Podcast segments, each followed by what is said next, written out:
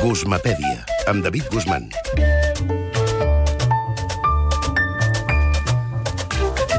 David, com anem? Bona nit. Què tal, Elisa, com estem? Molt bé.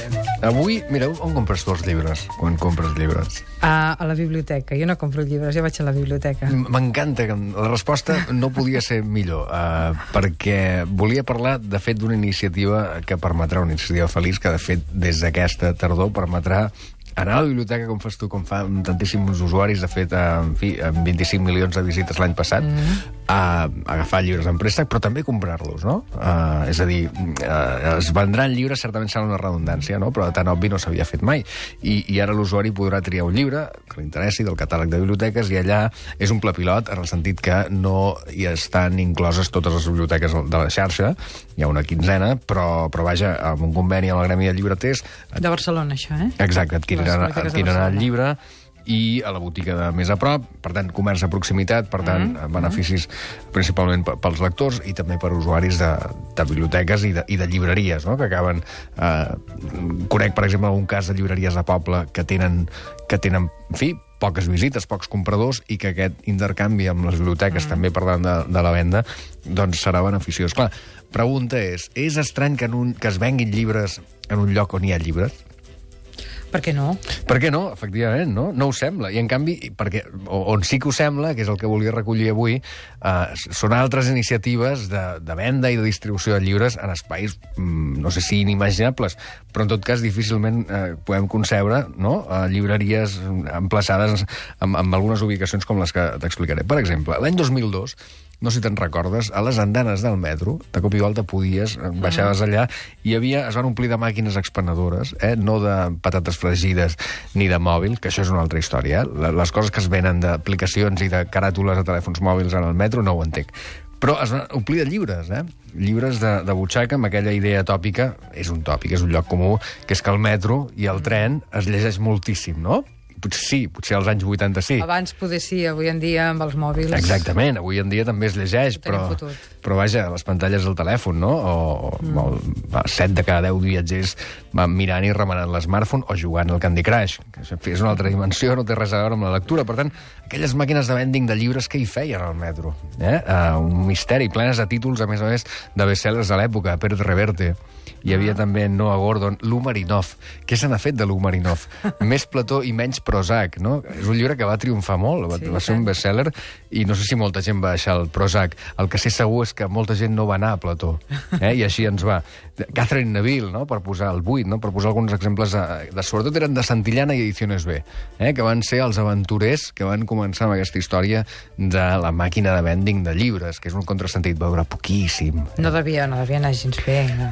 No, tu vas veure mai gent fent cua No, per comprar llibres. De... No, és impossible. Un altre espai no del tot uh, freqüent on trobar, on trobar literatura, i aquest per sort encara hi és, eh? Jo crec que, vaja, sé segur que amb èxit és a la platja, eh? Platja i la piscina, però són espais diferents, més de 70 municipis, això és tot Catalunya, que tenen cada estiu aquest servei, eh? Biblioplatges, bibliopiscines, sí, sí. Exacte, en préstec de llibres i, i contes, a més a més en diferents llengües, per la cosa del turisme, hi ha revistes, hi ha diaris a peu de sorra, hi ha activitats eh, diverses, no? infantils, hi ha en fi, recitals poètics, musicals, i durant l'estiu, eh? allò, posa una platja, una biblioplatja al teu poble i tot anirà una mica més bé.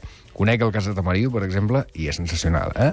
Tant, perquè funciona molt bé, perquè sempre hi ha gent, perquè a més té una certa gràcia remenar llibres mm, que tenen sorra, eh? I, i són, és veritat, és llibres a butxaca que... Que... És que és un dels, lloc, dels llocs millor per llegir un llibre, a la platja, eh? Però no et costa la postura. A a mi m'encanta. No, no, jo tinc una cadireta d'aquestes baixetes i em poso una allà i és el lloc que més m'agrada llegir, mira. Sí, estic d'acord amb tu, eh? Si tens una ombrella és fantàstic. Si no, També, també la eh, tenim. El sol, bé, ja ho tens tot, ho tot. ho tens tot molt ben solucionat, eh? Perquè la qüestió de, del, del sol a vegades és incòmode, eh? Per això, per exemple, amb els e-readers han, han fet aquella cosa anti, antireflectant. Bé, un altre fenomen bibliotecari poc comú, aquest és un cas que m'agrada especialment, són les genets de Kentucky. No sé si n'has sentit a parlar. No. Són unes senyores que anaven a cavall durant la Gran Depressió, eh? era una política per, per incentivar també el mercat laboral i el mercat laboral femení singularment, i portaven llibres de llom dels cavalls, eh? Fins a les zones menys accessibles, a, per tant, les de muntanya de, de Kentucky, i, i en comptes d'anar-hi en, en cotxe, n'hi anaven amb cavall bàsicament perquè els cotxes no hi arribaven. No? Es deien Park Horse Library Project, eh? el, el projecte de biblioteca d'aquestes senyores a cavall, i, i que, per tant, van fer molt, molt servei, també. Un cas potser més conegut, més modern, però, però vaja, té molt mèrit. És un, és un cas famós, potser n'has vist alguna fotografia. Es diu Luis Soriano. Un home molt estimat. Un senyor molt estimat és el responsable del servei de Biblioburro, eh, a Colòmbia. Ah. El Biblioburro, efectivament, és un asa que ha portat llibres a milers de nens eh, pobres, sobretot de les zones rurals de Colòmbia. És un projecte educatiu eh, que ha tingut molt èxit, encomiable per la idea, també per la duresa, insisteixo, a les condicions. Eh? Mm -hmm. eh, no ens enganyem, el Biblioburro no acaba de ser el transport més còmode del món sobretot quan va carregat de, de llibres. Per tant, el senyor, el cas de Luis eh, Soriano, que té un, que té un mèrit com, com important, Tant. no? I un cas que um, potser ara no sorprèn tant, però sí, quan va sorgir uh, als supermercats, mm, als anys 50, no? Van, de cop i volta, els supermercats als anys 50 van començar a vendre llibres. Que, en un, que, què hi fan allà els llibres, no? Mm, Doncs eren alguns estats de Nord-Amèrica, no tot arreu, però ho feien de manera separada, és a dir, com, no, suposo que era algun tipus de llicència, llogaven un petit espai, allà en deien bucateria, no? i eren petites llibreries eh, allà, al marge de, del supermercat, és a dir, no compartien necessàriament el seu esperit comercial o els seus criteris comercials. No? Per què dic això? Perquè això va començar així, allà poden vendre literatura, als anys 50 també en els supermercats, per què no? Però eh, la cosa s'ha acabat convertint en el supermercat com a gran superfície ha acabat integrant els llibres eh, i quan dic llibres, dic específicament llibres, no literatura, eh, perquè sovint, eh, en fi, diguem-ho en cursiva, això de les llibreries eh, més grans d'Espanya, recordem-ho, són el Carrefour i el Corte Inglés. Eh? I, per tant, doncs, eh, sovint no sempre és fàcil de trobar-hi de trobar-hi qualitat literària. Per tant, eh, vaja, mm, imagina't tu una vegada, la Paula, i va anar al supermercat amb un, amb un, super, amb un carret d'aquest de supermercat omplint-lo de llibres, no? I recordo el tipus de literatura, de màrqueting que, que allà doncs, s'hi s'hi dona, no sé si t'hi has t'hi has fixat mai. És un exercici interessant que proposo de fer, eh? d'anar a un supermercat i revisar els títols que tenen i els títols que tenen en català, sobretot. Ah, aquí fa mal la criatura, eh? Sí, no, no, i tant. I, i, vaja, i, i aquí sí que hi ha també segurament el, els Marinov de l'època, Uh, algú diria, home, està bé comprar menys plató... Tot i que més- com a idea no està malament, perquè quan vas a un súper d'aquests grans ja vas amb la idea de gastar tants diners que no et ve d'aquí d'agafar un llibre i també gastar-t'ho.